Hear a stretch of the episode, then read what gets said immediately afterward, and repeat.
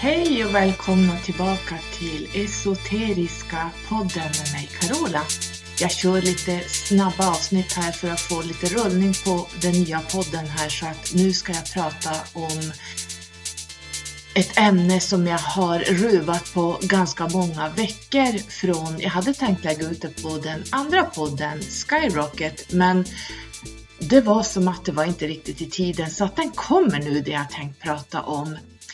Men jag ska bara presentera mig för alla nya lyssnare att eh, jag är Sveriges professionella numerolog, eh, esoterisk och praktisk numerolog. Jag är även reiki-terapeut, jag är galaktiker, Starseed 9D, Sirian Ashkera Starseed. Jag är kabbalist, jag jobbar med heliga geometrin för att nämna några få saker i allt det jag pysslar med.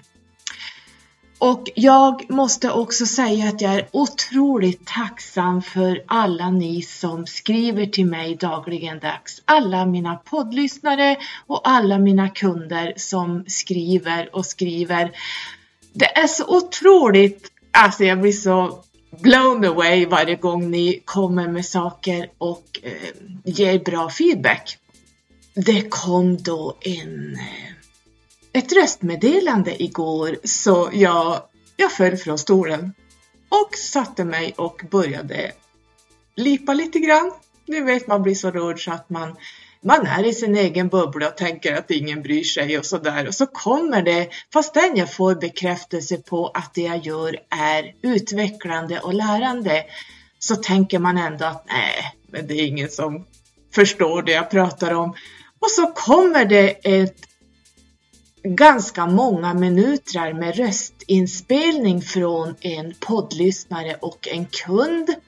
Jag blev blown away, minst sagt. Och grejen är också att ni som följer mig på Instagram, ni såg att jag har lagt upp på mina stories där att för två, tre nätter sedan så djuren är väldigt aktiva i mitt liv just nu jag har ju väldigt mycket kontakt med djuren och även träden, det vet ni sen tidigare, eh, ni som har lyssnat på den andra podden, Skyrocket. Eh, och i alla fall så vaknar jag fyra på morgonen att jag har ju alltid sovrumsfönstret lite grann öppet, en decimeter ungefär. Och jag hör ett jäkla hålla på utanför fönstret. Jag tänkte, vad är det som låter? Så jag vaknar av det här och eh, ser då jag tittar mot fönstret och ser då ett svart huvud och så ser jag en näbb som försöker böka sig in genom fönstret. Och jag tänkte, vad är det där? Och nu vet när man är sömnig och sover och vaknar upp fyra på morgonen.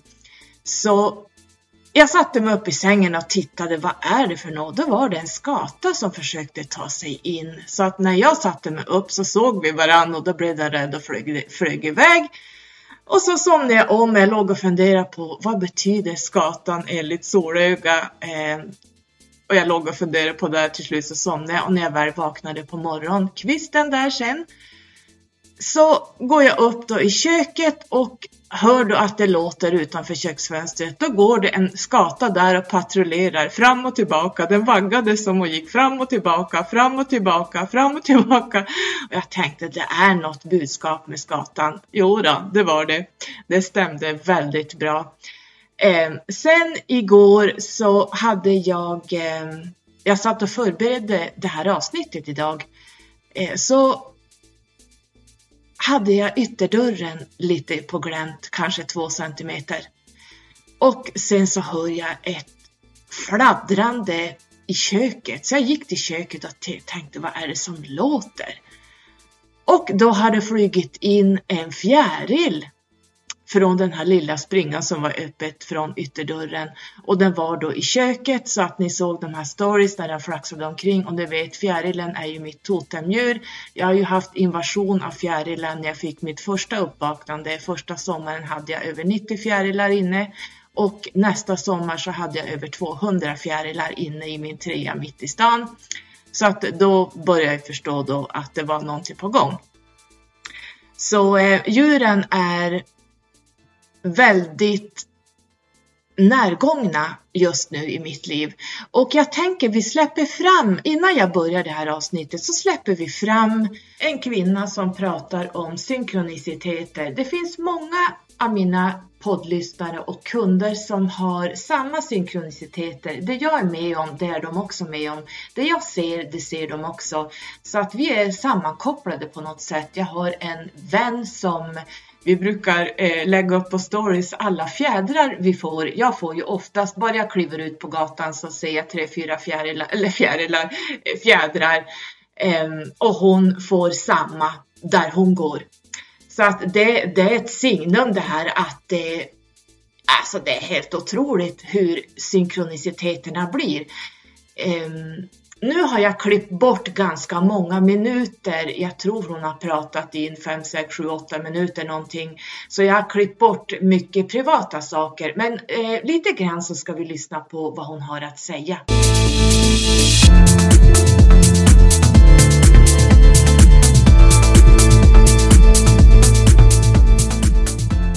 Okej, okay, my darling. Jag... Eh, jag har inga ord. För det första så har jag precis lyssnat klart på podden. På den nya podden, Esoteriska, med Pythagoras. Och jag är blown away. Eh, och sen...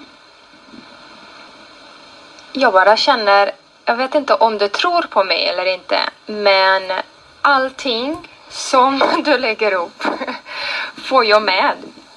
Till exempel igår efter jobbet så, så låg jag bara i sängen och så öppnade jag Instagram och så tittade jag på vad du skrev om skatan och så tittade jag ut genom fönstret och där, där sitter hon på grenen och jag bara okej, okay, ja, där, där fick jag budskapet exakt precis framför mig när du la upp den. Idag så kom jag hem från eh, massage och så skulle jag, eh, min intuition precis talade för mig att jag skulle göra kakaoceremoni så jag höll på med det och hade dörren öppen. Och så kommer en sån här fjäril som du har lagt upp. Den kommer in flygande, jag bara tittar på den. Samtidigt som jag höll på att kunna göra kakao så hade jag din podd i mobilen på köksbordet. Så jag lyssnade på din podd och så blandar jag i kakao och så kommer fjärilen in genom dörren flygandes i vardagsrummet och sen tillbaka ut. Jag bara skrattar. Okej, okay, jag vet inte om du tror på det men jag bara känner wow. Och en annan sak. Eh, överallt var jag än går, några månader nu, så ser jag 11, 114, 11, 4 eller 144. Alltså var jag än går, vad jag än gör jag bara känner, okej, okay, jag vet inte vad den vill säga men jag, jag känner innan det är precis vad jag ska vara. Universum talar för mig sedan barnsben eh, i siffror. Jag var helt fascinerad av matte när jag var liten. Jag har lärt mig och att lyssna på din podd, alltså, och du har ju skrivit min själskontrakt och jag börjar förstå nu om fyra dagar så fyller jag år. Att jag behöver ju köpa den andra workboken för jag går in i ett annat år nu. Jag är klar med mitt. Jag försöker förstå att jag är dags nu för andra lärdomar och jag är en stor gigantisk transformation. Jag kan inte tacka dig tillräckligt och hur mycket allting du lägger upp resonerar med mig precis i samma stund, i samma sekund. Jag har inga ord, men jag bara tar till mig, accepterar, jag tackar och buggar. Jag säger bara wow. Jag älskar det här nya podden. Jag älskar att lyssna på dig. Så mycket kunskap du har att dela med dig till oss, till världen. Jag är så tacksam. Otroligt tacksam att du kom i mitt liv och jag kan följa dig och jag kan lära mig ännu mer och få många aha-upplevelser. Jag vet att det kanske det här gör inget för dig, men för mig, jag måste bara säga det här ut hur mycket det betyder för mig att kunna lyssna på någon som kan prata som jag förstår samma språk. Förstår du vad jag menar? Som är på samma nivå eller energimässigt. Vilket jag inte kan hitta i vanlig. Jag älskar din ärlighet. Jag älskar att du är öppen. Jag dras till dig för att jag resonerar så mycket med dig. Du är så fri att kunna uttrycka dig, vilket jag ser mig själv i dig. Jag är själv, har jag börjat min resa av transformation av min autenticitet, vem är jag? eh, who am I, typ. Det är det enda jag går och, och tänker på. Vem är jag i den här världen? Vad ska jag kunna bidra med? Varför är jag här? Vad är min livsuppgift? Och så börjar jag läsa det sol, eh, kontraktet som du har skickat till mig. Ju mer jag läser desto mer jag förstår. Men att kunna hänga med i podden och kunna se att jag har eh, haft matten sen med mig sen i gymnasiet. Siffror har följt med mig hela livet. Att kunna lyssna på numerologi och dig, alltså det är bara wow. Jag är helt imponerad att jag inte märkte det redan då. Hur mycket jag tyckte om, jag älskade inte bara matten i sig utan jag ville hela tiden eh, veta vad är det bakom det, geometrin och former och musik och allting hänger ihop. Älskar jag det här, astrologi, astrologin och esoteriska och allting det här, då får jag lyssna på dig och får jag searcha mer, liksom få mer information. Och att kunna höra Pythagoras och att leva i Egypten och allting det här, det var bara wow. Jag kan ju hålla på här och prata hur mycket som helst. Det enda jag vill säga till dig är Sluta aldrig vara dig själv. Du inspirerar mig otroligt mycket. Kom ut med all kunskap, allt, allt, allt du har. Sprid den. Det hjälper oss alla som är i vår uppvaknande som förstår vad du pratar om. Kanske vi gör inte det helt hundra, men med tiden, när ju mer vi lyssnar, desto mer vi, vi vet inom oss. Ja, men det här är sant. Det här, det, det, det du pratar om, det du säger, alltså det här stämmer så mycket överens med mig själv och var jag befinner mig just nu i min eh, i min väg, i min eh, uppvaknande och det hjälper mig att kunna förstå saker på ett helt annat sätt, mer djupgående.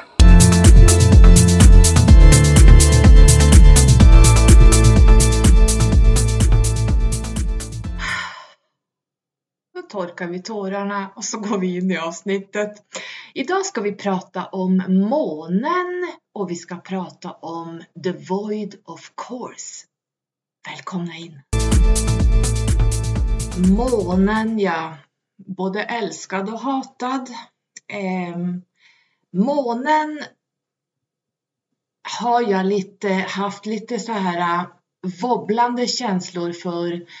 Jag gick ifrån månen i något år därför att eh, jag kände att månen är fejk och det är den egentligen. Egentligen är månen ett skrot i våra solsystem. Den är ihålig och det finns mycket aliens som jobbar på och i månen. Det jobbar även människor i månen. Lyssna på det avsnittet i Skyrocket-podden när jag pratar om månen. Jag tror det är avsnitt 24 med titeln Vad är egentligen månen och månens energier? Men sen jag började hålla på med astrologin så började jag förstå att månen har en stor inverkan på hela Moder Jord och oss som människor, även allt levande. Du kommer att förstå varför. Därför att månen är oftast ointressant för kanske både astrologer och vanliga astrointresserade. Man, man tittar egentligen mest bara på soltecknet och ascendenten. Ja, jag kan räcka upp en hand här. Men månen har en stor roll och eh, en stor impact på, som jag sa, och hela våra liv mer än du kan ana. Många pratar om månen som att den är mer privat, de mer privata delarna av oss själva. Eh, de flesta vet sitt soltecken, det vill säga stjärntecknet, men man vet inte sitt månetecken. Man vet alltså stjärntecknet och man vet ascendenten, men månetecknet vet man inte eller bryr sig inte så mycket om. Och det visar oss att det finns något gömt, någonting mystiskt. Varför får inte månen mer plats i, i astrologin? Den har börjat komma, men, men om man tittar på tidigare år. Eh, månen är dessutom närmare oss än vad solen är. Månen är ju jättenära oss. Vi ser den hela tiden. En sak kan vara att solen är maskulin. Elden, värmen och ljuset. Liv. Solen styr ju lejonet, det är ju då min ascendent. Eh, här ser vi lejonet som influeras av ljuset, attention, uppmärksamhet och kan vara i centrum precis som solen. Det är en maskulin kraft. Månen däremot dyker upp på natten när människor ofta sover. Vi kan naturligtvis se den på dagen men det är egentligen natten som är månens eh, primära tid. Eh, månen är faktiskt lika kraftfull som solen, tro det eller ej. Men månen opererar och verkar på en sublevel, alltså en undernivå, en gömd nivå, en slöjad nivå. Eh, just därför uppmärksammar eller ser man kanske inte månen för att den ligger gömd i ens inre. I astrologisk litteratur nämns månen som våra känslor och representerar modern. Och månen styr ju kräftan och vi vet ju att kräftan är ju zodiakens moder. Jag pratar inte om kräftan eftersom man, när jag kommer att prata om månen här så ser ni kräftans egenskaper per automatik. Men det finns mer att titta på. Månen visar oss mycket mer vem vad och varför i våra liv än vi tror i vårt födelsehoroskop, men även utanför det. Idag fokuserar vi på våra så kallade Big Three. Solen, det vill säga stjärntecknet, ascendenten, the rising star och månetecknet. Men de senaste cirka hundra åren har fokus varit på just soltecknet, stjärntecknet och det här är det som skrivs i dagens astrologiska tidningar och spalter. Dagens horoskop, ni vet så är det soltecknet man fokuserar på här i väst. Folk frågar alltid, vad är du för stjärntecken?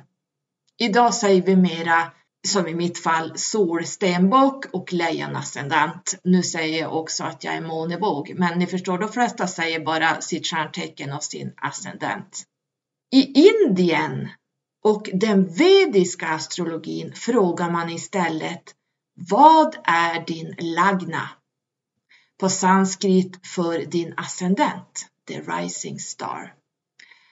Nästa fråga de frågar är Vad är ditt månetecken? Din Chandra Lagna. Vilken nakshatra är din måne? Först ascendenten, sen månen och sist frågar de ditt soltecken.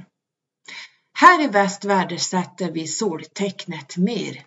Det är som att vi är mer för soltecknet på något sätt.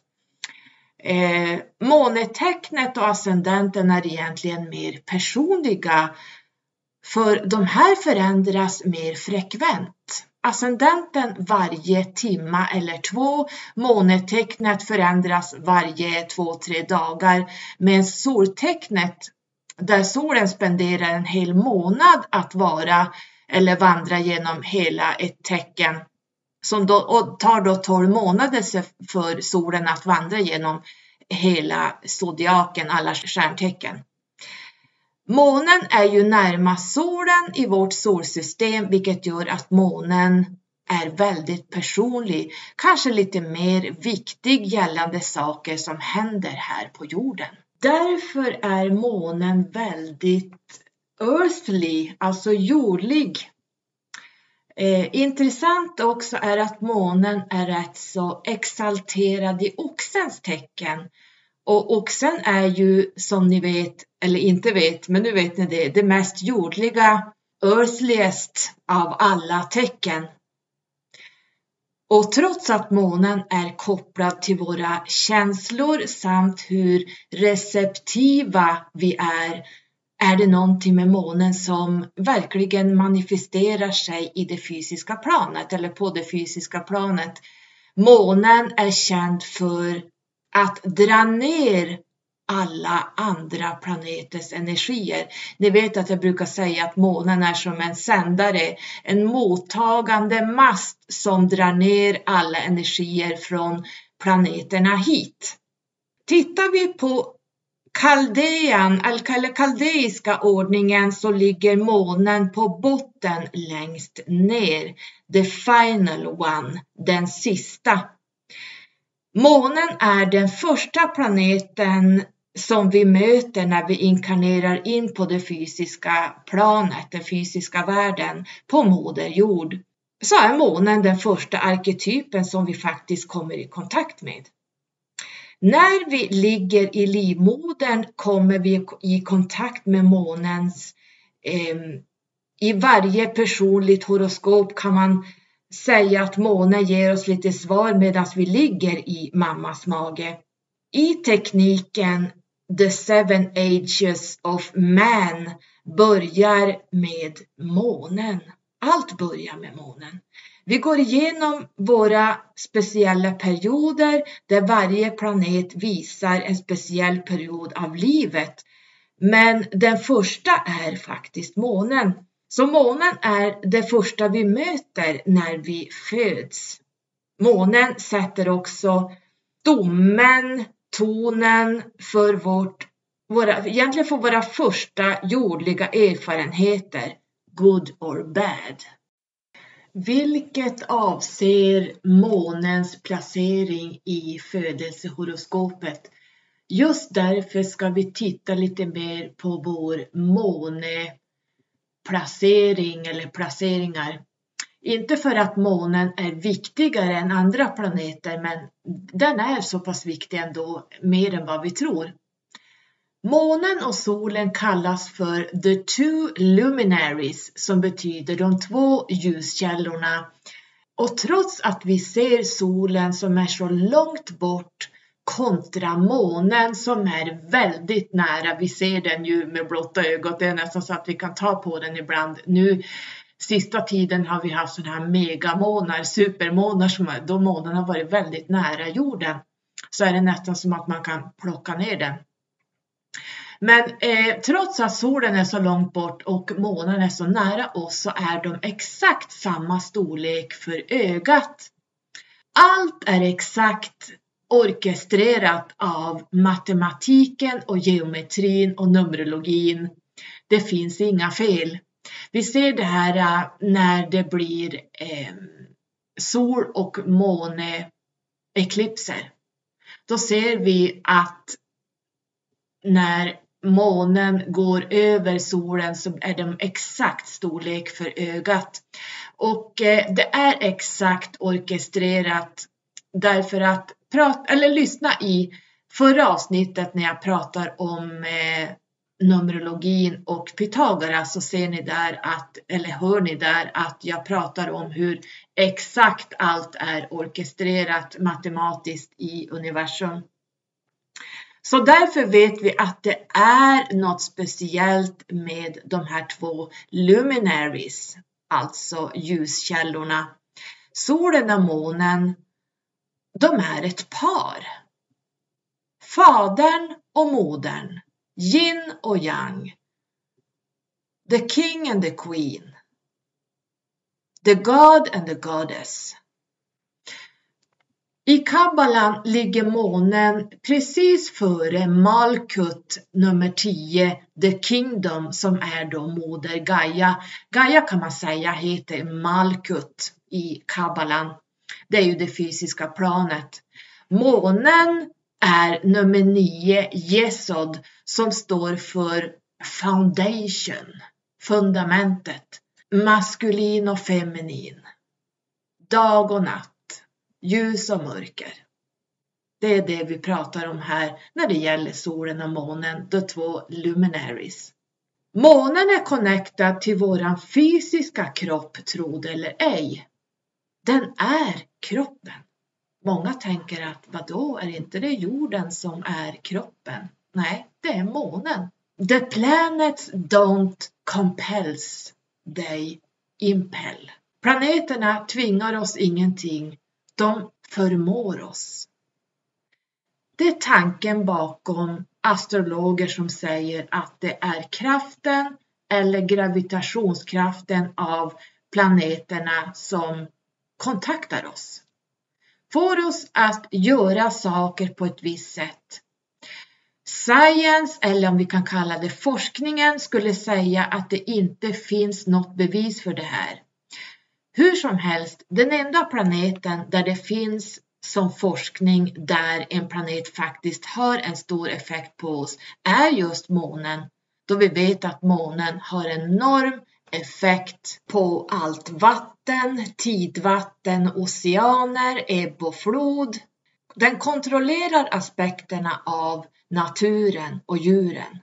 Ostron till exempel öppnar sig alltid på fullmåne. Vi ser att djuren responderar på månen i dess olika faser, speciellt vid fullmåne. Vi själva består av 70 till 75 procent av vatten så vi påverkas väldigt kraftigt av månen. Jag ser också det här på akuten vid till exempel fullmåne. Det blir total kaos. Folk blir som galna. Det är därför det kallas för mångalen. Det är endast månen som kan göra allt det här som påverkar oss. Månens faser gör en fysisk impact på allt levande på jorden. Så därför är den jordlig, earthly, minst sagt. Det blir fysiskt synligt, kännbart. Till och med våra menstruationscykler går efter månens faser.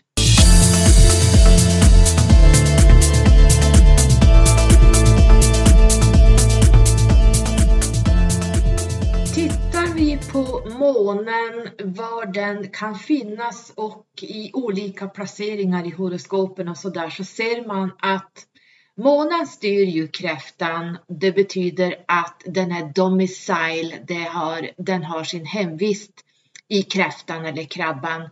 Och motsatstecknet till kräftan, krabban, är ju stenbocken, läs mig. Och då kallas det för antihesis, alltså en kontrast i stenbocken. Tittar vi på oxen, där är ju månen exalterad som jag sa tidigare i avsnittet. Motsatstecknet till oxen är ju skorpionen. Där blir månen deprimerad, the fall of depression i Skorpionen. Och var står månnoderna just nu eh, kollektivt? Ja, de, stå, den, de står i Oxen och Skorpionen. Så att eh, månen är exalterad i Oxen och den är deprimerad i Skorpionen. Nu blir ju månnoderna, det är ju punkter som rör sig var, varannat år någonstans.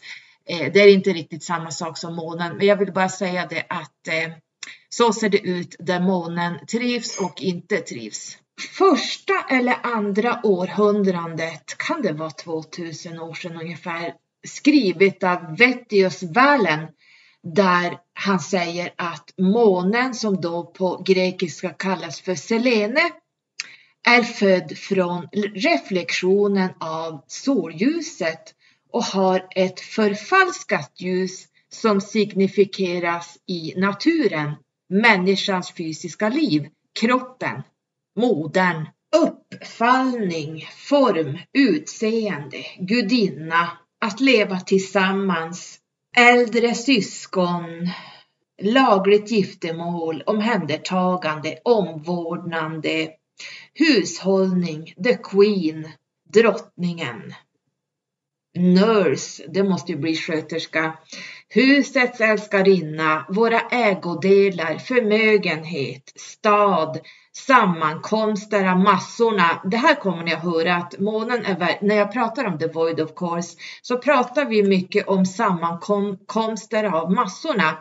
Vi pratar om vinster, utgifter och den här valens säger att höger öga styr solen på män och vänster öga styr då månen på kvinnor. Hon håller på med hemmet, det vill säga ens home, båtar. Hon har att göra med resor, vandringar, som jag sa, det vänstra ögat, magen Observera oxen och magen också här. Brösten, breastfeeding, andningen, mjälten, membranen och märg. De substanser som månen styr över är silver och glas. Hon är nattlig, noctural, sekt. Hon är i ljusgrön färg och saltig i sin smak. Jag har pratat om sekt, det vill säga om man har ett dag eller ett natthoroskop i Skyrocket-podden avsnitt nummer 84. Sekt, Day and Night Chart samt månoder, var du kommer ifrån. Eh, lyssna på det avsnittet får du lära dig lite mer om månoderna och vad sekt är för någonting. Det är väldigt viktigt att kunna om man har ett day chart eller ett night chart, det har, spelar en väldigt stor roll i ditt liv ska jag säga dig. Det är avgörande vilka planeter som eh, gör sig och inte gör sig i ditt horoskop så att säga. Så lyssna där om du är intresserad av sekt och månnoderna. Och som ni har förstått nu och eh, ser är att månen är ju kopplad till allt fysiskt liv. Vårt dagliga liv, våran livsstil, vad vi äter, våra tillgångar, pengar, våra resor och vandringar. Månen har lite joy, det vill säga lite roligt i tredje huset som egentligen styrs idag av tvillingen Merkurius. Ja, tredje huset är associerat och länkat med resor, båtar som åker mellan olika länder, vandrande, så därför har månen en liten joy. Den, den trivs bra i tredje huset, fast hon egentligen styr fjärde huset. Eh, jag ska läsa upp hur husordningen eh, såg ut för väldigt länge sedan. Jag ska öppna eh, min telefon och så ska jag läsa upp för er. Då är det så här att hus nummer ett, det är egentligen det ascendenten, the, the rising star. Där står det Angular Self Body Character Appearance. Här har vi då Merkurius. Det kallas för helm, hjälmen. Andra huset är finanser, possessions, income, gate of Hades. Tredje huset Siblings, Short Trips, School, Communication, The Goddess. Tre, tredje huset styrdes här av månen. Fjärde huset Parents, Home, Family, Private Life, Subterranean. Femte huset styrs av Venus. Children, Creativity, Pleasure and Sex Sjätte huset står för Mars, styr sjätte huset och Bad Fortune. Illness, injuries, work, bla bla bla. Jag, jag tänker inte läsa upp alla de här för det tar för lång tid. Men gammalt tillbaka så tredje huset styrdes av månen och det här huset kallades för The Goddess. Och där ser man som jag har eh, pratat om tidigare där Vallen skrev för 2000 år sedan att det var siblings, alltså våra syskon, eh, korta eh, short trips, school communication och det är lite grann vad månen eh, är exalterad i idag i tredje huset därför att från början så styrde hon tredje huset. Allt som Valens skriver berättar allt om vårt, våran fysiska nivå, våran inkarnation på fysisk nivå. Valens startar ju för sig med solen först trots att den är så långt bort från oss och han beskriver solen som konceptet av ljus. Han associerar solen med light, ljus, intellektet och själen samt anden som på engelska kallas för spirit. Eh, även sinnet och intelligensen av en person. Solen ger ljus versus månen, det vill säga månen tar emot ljus och reflekterar ljus, men också för att månen är närmast oss som faktiskt ger liv i en kropp och den fysiska inkarnationen.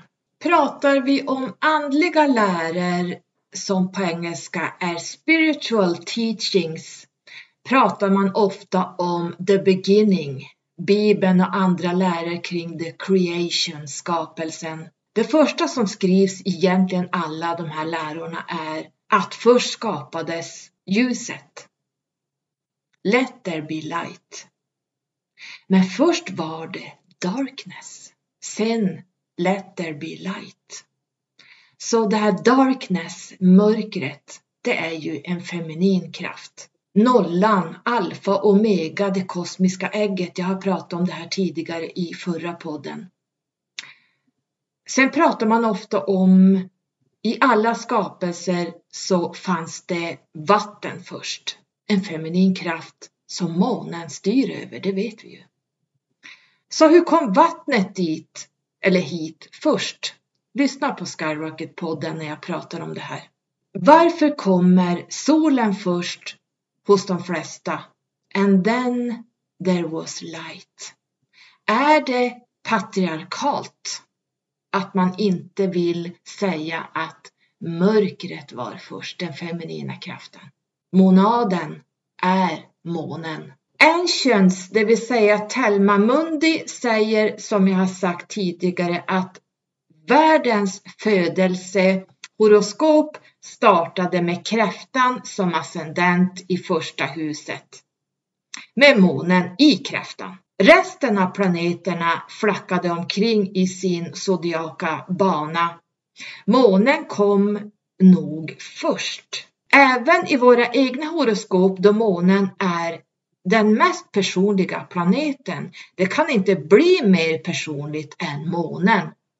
Så det första horoskopet för världens skapelse, det är första huset är kräftan, där månen ligger i kräftan. Det måste vara så.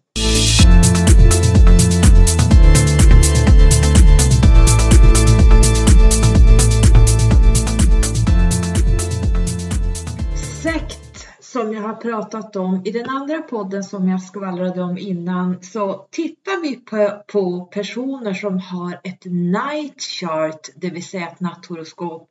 Det är alltså måne som styr över natthoroskopet i den här sekt.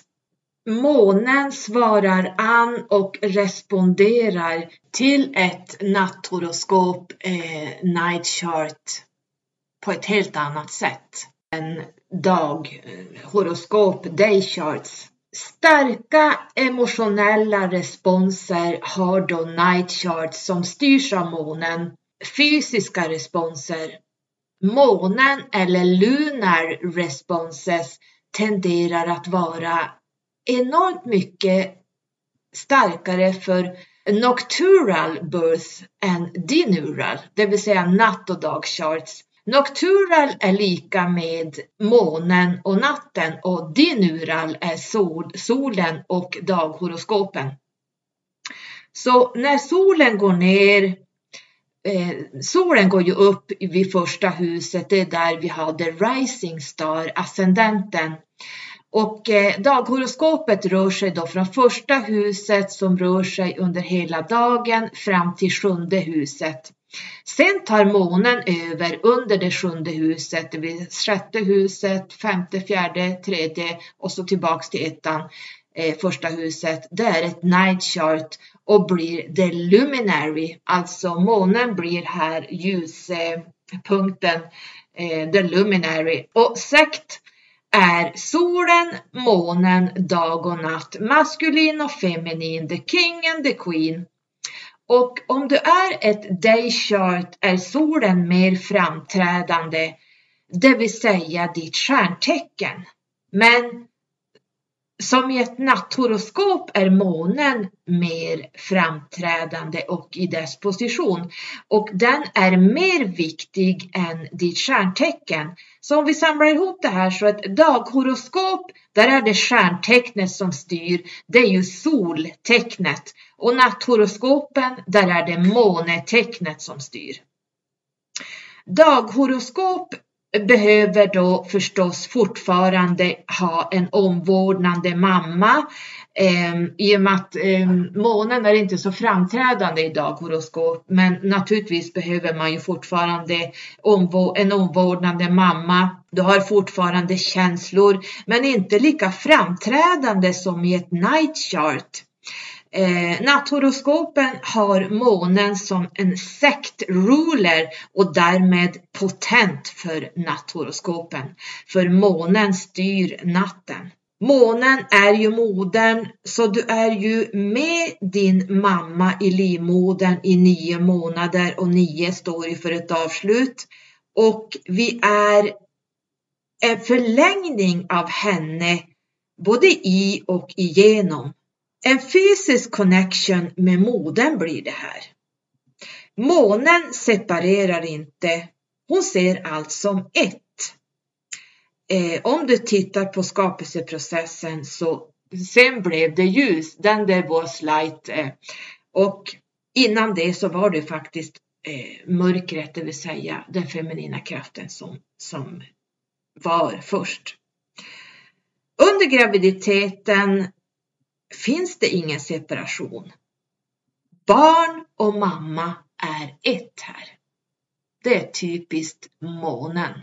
Men efter födelsen, när navelsträngen är klippt, måste vi ju söka oss till modern för mjölk, näring och mat, omvårdnad som en man aldrig kan ge.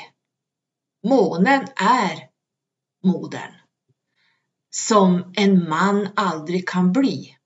Så när modern bröststammar kopplas barnet och modern ihop igen. Det här kan aldrig en man göra. Eh, flaskmatning är jag strängt emot. Eh, flaskmatning, nu vet jag att det är de inte som, som kanske kan amma. Eh, jag var ju en amma, jag hade ju så mycket mjölk att jag fick ge bort det till jag gav det till BVC för att eh, fryste in mjölk till sådana som inte hade istället för att de ska hålla på med flaskmatning som bara ger eh, eh, allergier till barnen. Men det är en annan historia. Men månen ger från sin egen kropp. Minns också att månen styr över brösten. Att omvårdna barnet genom sina bröst och genom hennes egen kropp. Här har vi magen också. Hit kommer maten the food that nurture us, som håller oss vid liv. Månen connectar allt på jorden, även naturen och djuren.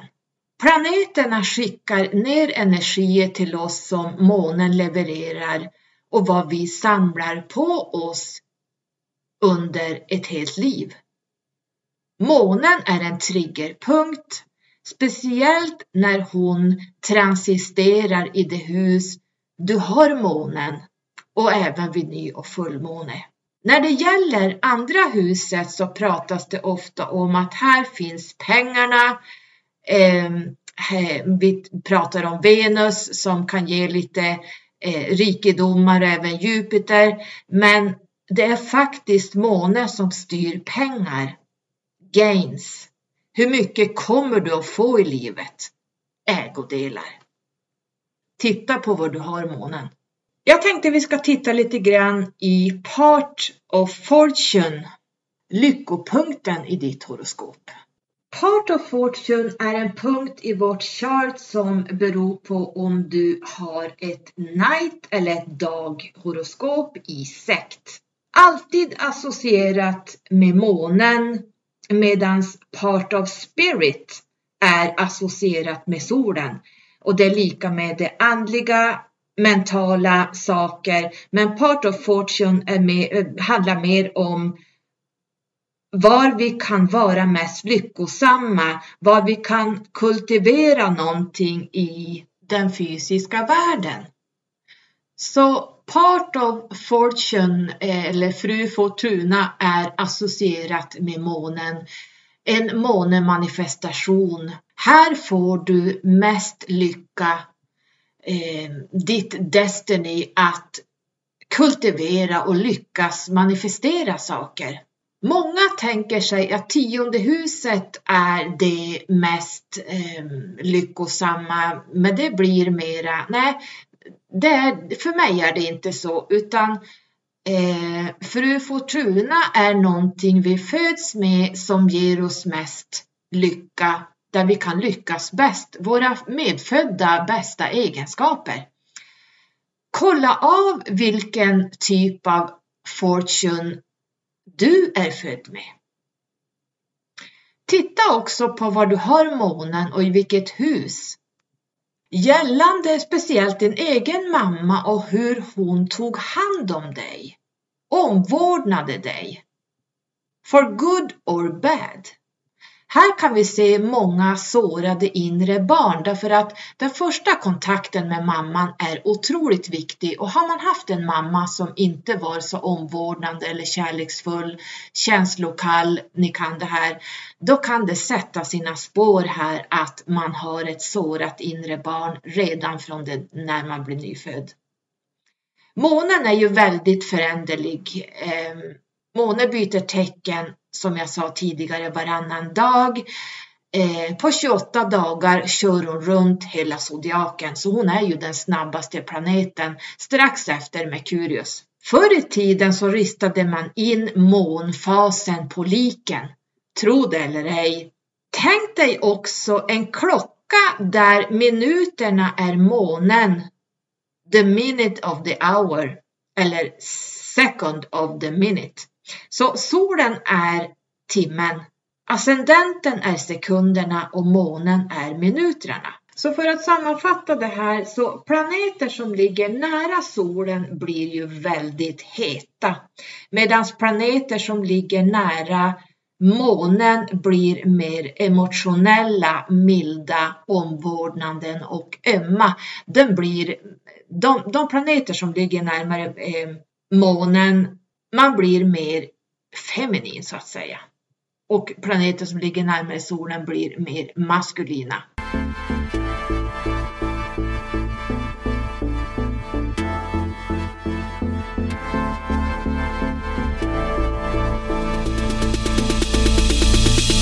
Då har vi kört igenom det mesta kring månen. Jag har däremot inte pratat om månnoderna. Det tänker jag inte göra igen. Jag ogillar att återupprepa mig så ni får lyssna på det avsnittet jag pratade om tidigare som ligger på den andra podden Let's Skyrocket. Men nu har vi kommit till en väldigt viktig sak och egentligen huvudämnet i det här avsnittet och det kallas för Void of Course. Vad händer mellan de 30 graderna där, som man har då mellan två tecken. Om ni tänker er, varje hus är 30 grader och månen rör sig ju mellan de här eh, när hon byter tecken. Så är hon då i oxen så är det 30 grader tills hon går över till tvillingen och så är det 30 grader och så går hon över till nästa och till nästa. Varje hus är 30 grader. Så vad händer mellan de här 30 graderna mellan två tecken som månen färdas emellan? Att titta på månen och vilka planeter hon besöker innan de nästa 30 graderna kan resultera i olika delar av livet och där saker kan manifestera på just det tillfället i livet. Eh, månen är ju en planet som ankrar fast oss här i den fysiska världen. Så när månen går ur ett tecken så separerar hon från en planet som representerar saker från dåtiden, the past. När månen går in i en planet eller eh, ja, i, en, en, eh, i ett nytt eh, område, ett nytt stjärntecken, så måste det finnas helst en planet där. Då månen går ur ett tecken eller lämnar en planet som hon har träffat så separerar hon från den planeten och det representerar saker från dåtiden, the past. Och när hon möter en ny planet representerar det framtiden. När månen går in i en planet, vilken energi den här planeten har, så kommer hon att dra ner det hit och skapa en fysisk manifestation. Så månen kopplas ihop med Mars till exempel, det är den sista planeten hon har mött och så drar hon vidare. Så kommer hon dra ner Marsian energin och vi kommer att se och känna och uppleva den här Mars-energin. Om det är Saturnus eller Venus etc.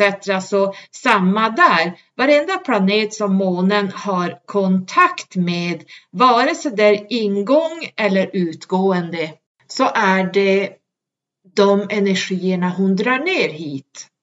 Så när månen separerar från en planet, hon lämnar en planet, tenderar vi att finna och erfara att nu är det borta, det är i dåtiden. Någonting som har hänt långt tidigare i livet.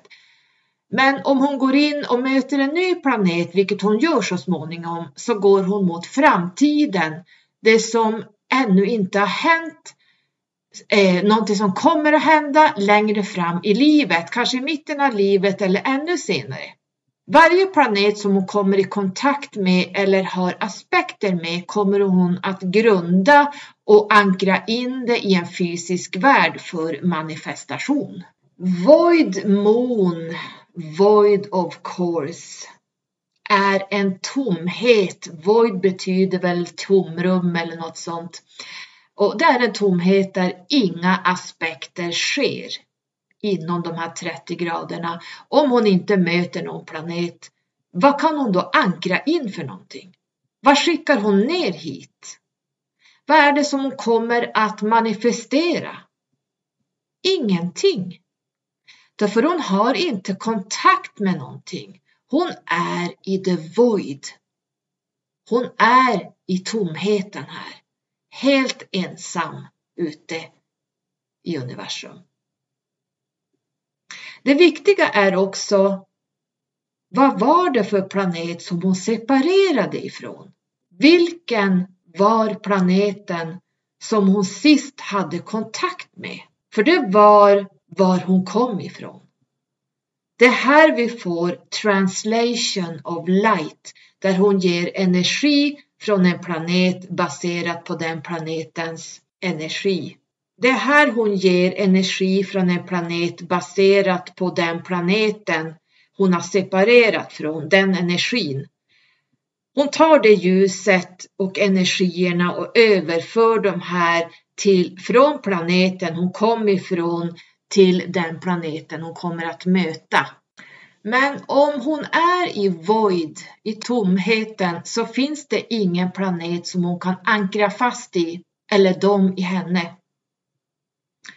Här har vi en stor issue, här har vi ett problem som även kallat void of course. Det blir problematiskt, speciellt om man kan hitta det här i någons astrochart, att det är att man är född under en void of course. Det finns människor som är födda under en void of course. Det kan ge vissa problem att manifestera saker och att ha någon form av connection. Man känner inte någon connection med någonting för man är i the void. Men tittar vi på hur månen rör sig, om man bortser från det personliga horoskopet så månen är ju i the void of course någon timma då och då och eh, då kan man titta på när ska man ha sitt bröllop?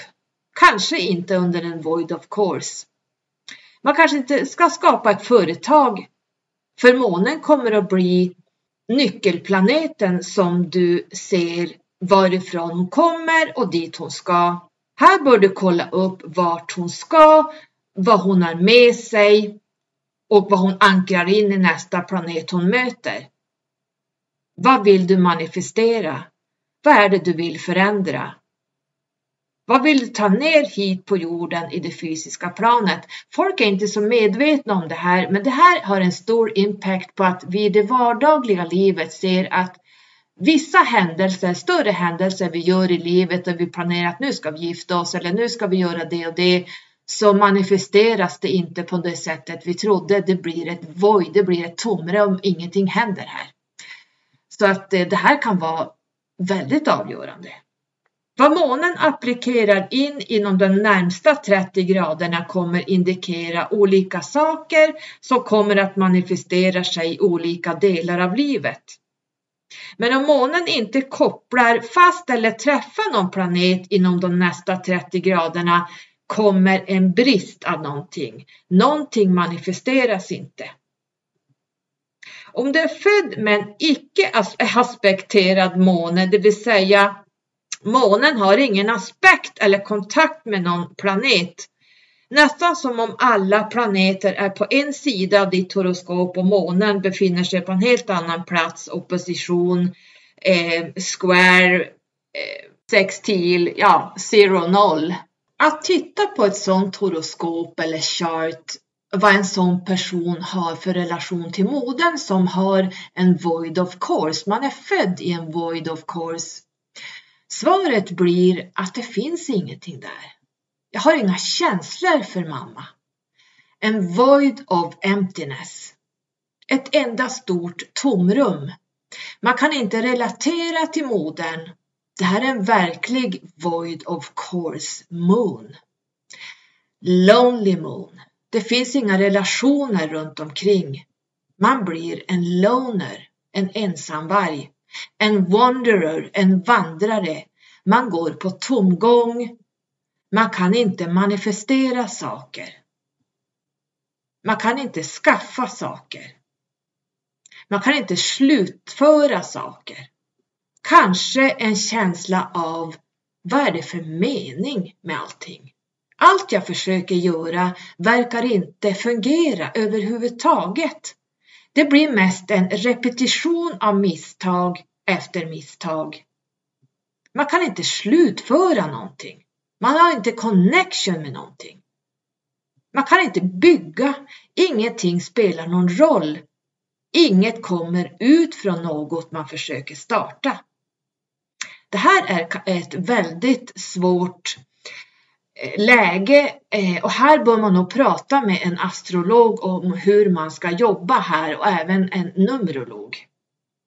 Det som är bra med Void of Course är att om du har ett möte som du inte vill ska manifestera sig, eh, du tvingas gå på ett möte där du egentligen inte vill manifestera det som händer där, då ska du gå in i Void of Course för ingenting kommer att komma ut ur det här mötet. Det är vad du ska göra när månen är i void of course. Eh, alltså rent planera in det här. Då är det bra att använda the void of course. Om månen inte förankrar sig i någonting så kommer det heller inte ut någonting av det. Det blir ett tomrum, en void. Ingen manifestation, inget kommer att komma ut från det här. Om vi har tre planeter i ett tecken, vågen till exempel, i vågen i början av tecknet står Jupiter på 15 grader. Månen står mitt emellan på 16 grader och längst ut dit månen ska röra sig framåt har vi Venus på 18 grader. Så månen har, här har ju passerat Jupiter. Hon är i mitten mellan Jupiter och Venus i vågens stjärntecken. Så när hon vandrar vidare, hon har kört förbi Jupiter och så ska hon vidare till nästa planet som hon möter och det är då Venus. Då kommer hon ta med sig Jupiters energier fram tills det hon möter och ankrar fast i Venus där resultatet kommer bli ljus och hurra manifestation. Eh, därför att Jupiter och Venus är ju två lyckoplaneter så hon tar med Jupiters energi in i när hon möter Venus. Så det blir två sådana här energier som kopplas ihop.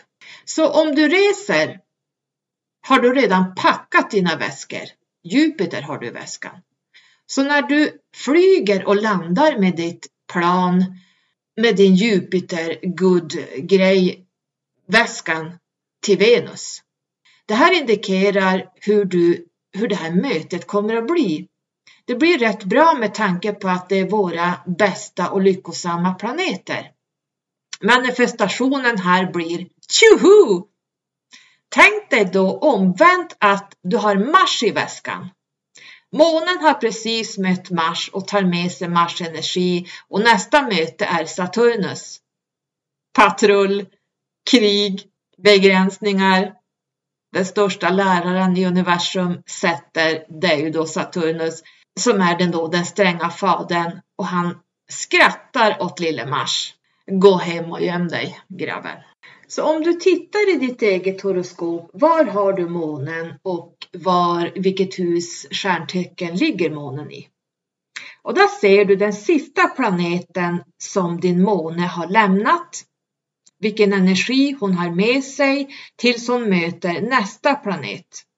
Det här blir hur livet kommer att spela ut sig i ditt liv, eller hur saker och ting kommer att spela ut sig. Det här kommer att märkas i din karriär, ditt arbete, relationer, whatever, men väldigt igenkännande hela tiden. Det är som att sakerna återupprepar sig hela, tiden. Vare sig det är utmanande, svårt, stort, roligt så spelar det här oerhört stor roll i ditt liv.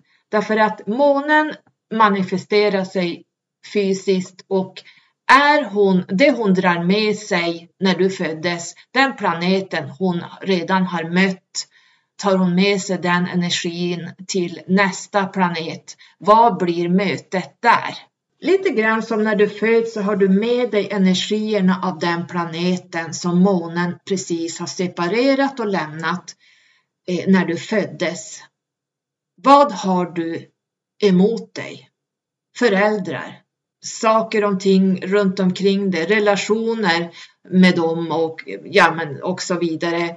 Och dit månen rör sig kommer att visa sig långt in senare i livet. Någonting som du kommer att möta sen, good or bad.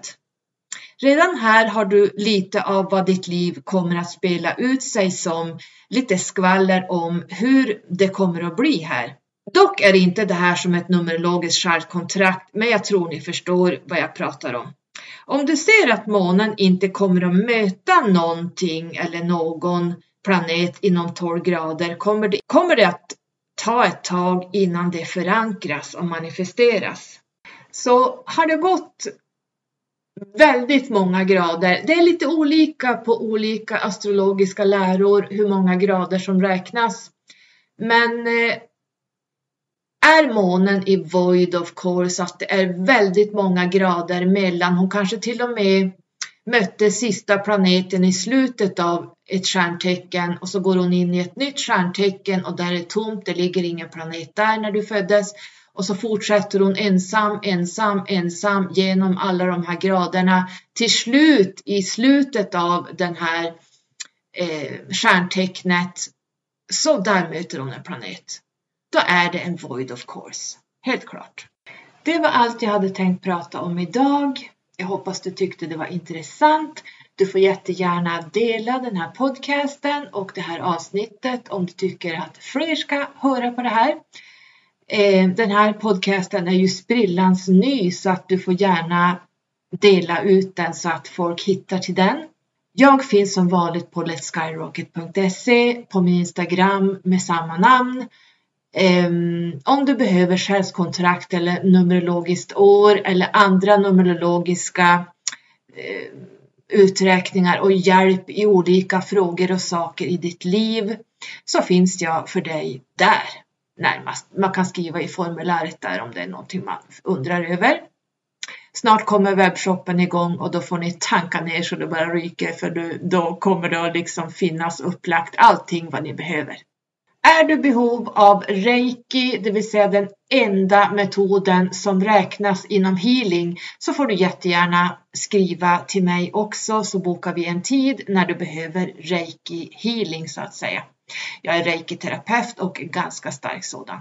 Ha det så bra tills vi hörs en annan gång. Puss och kram och tack för att du lyssnade kära du.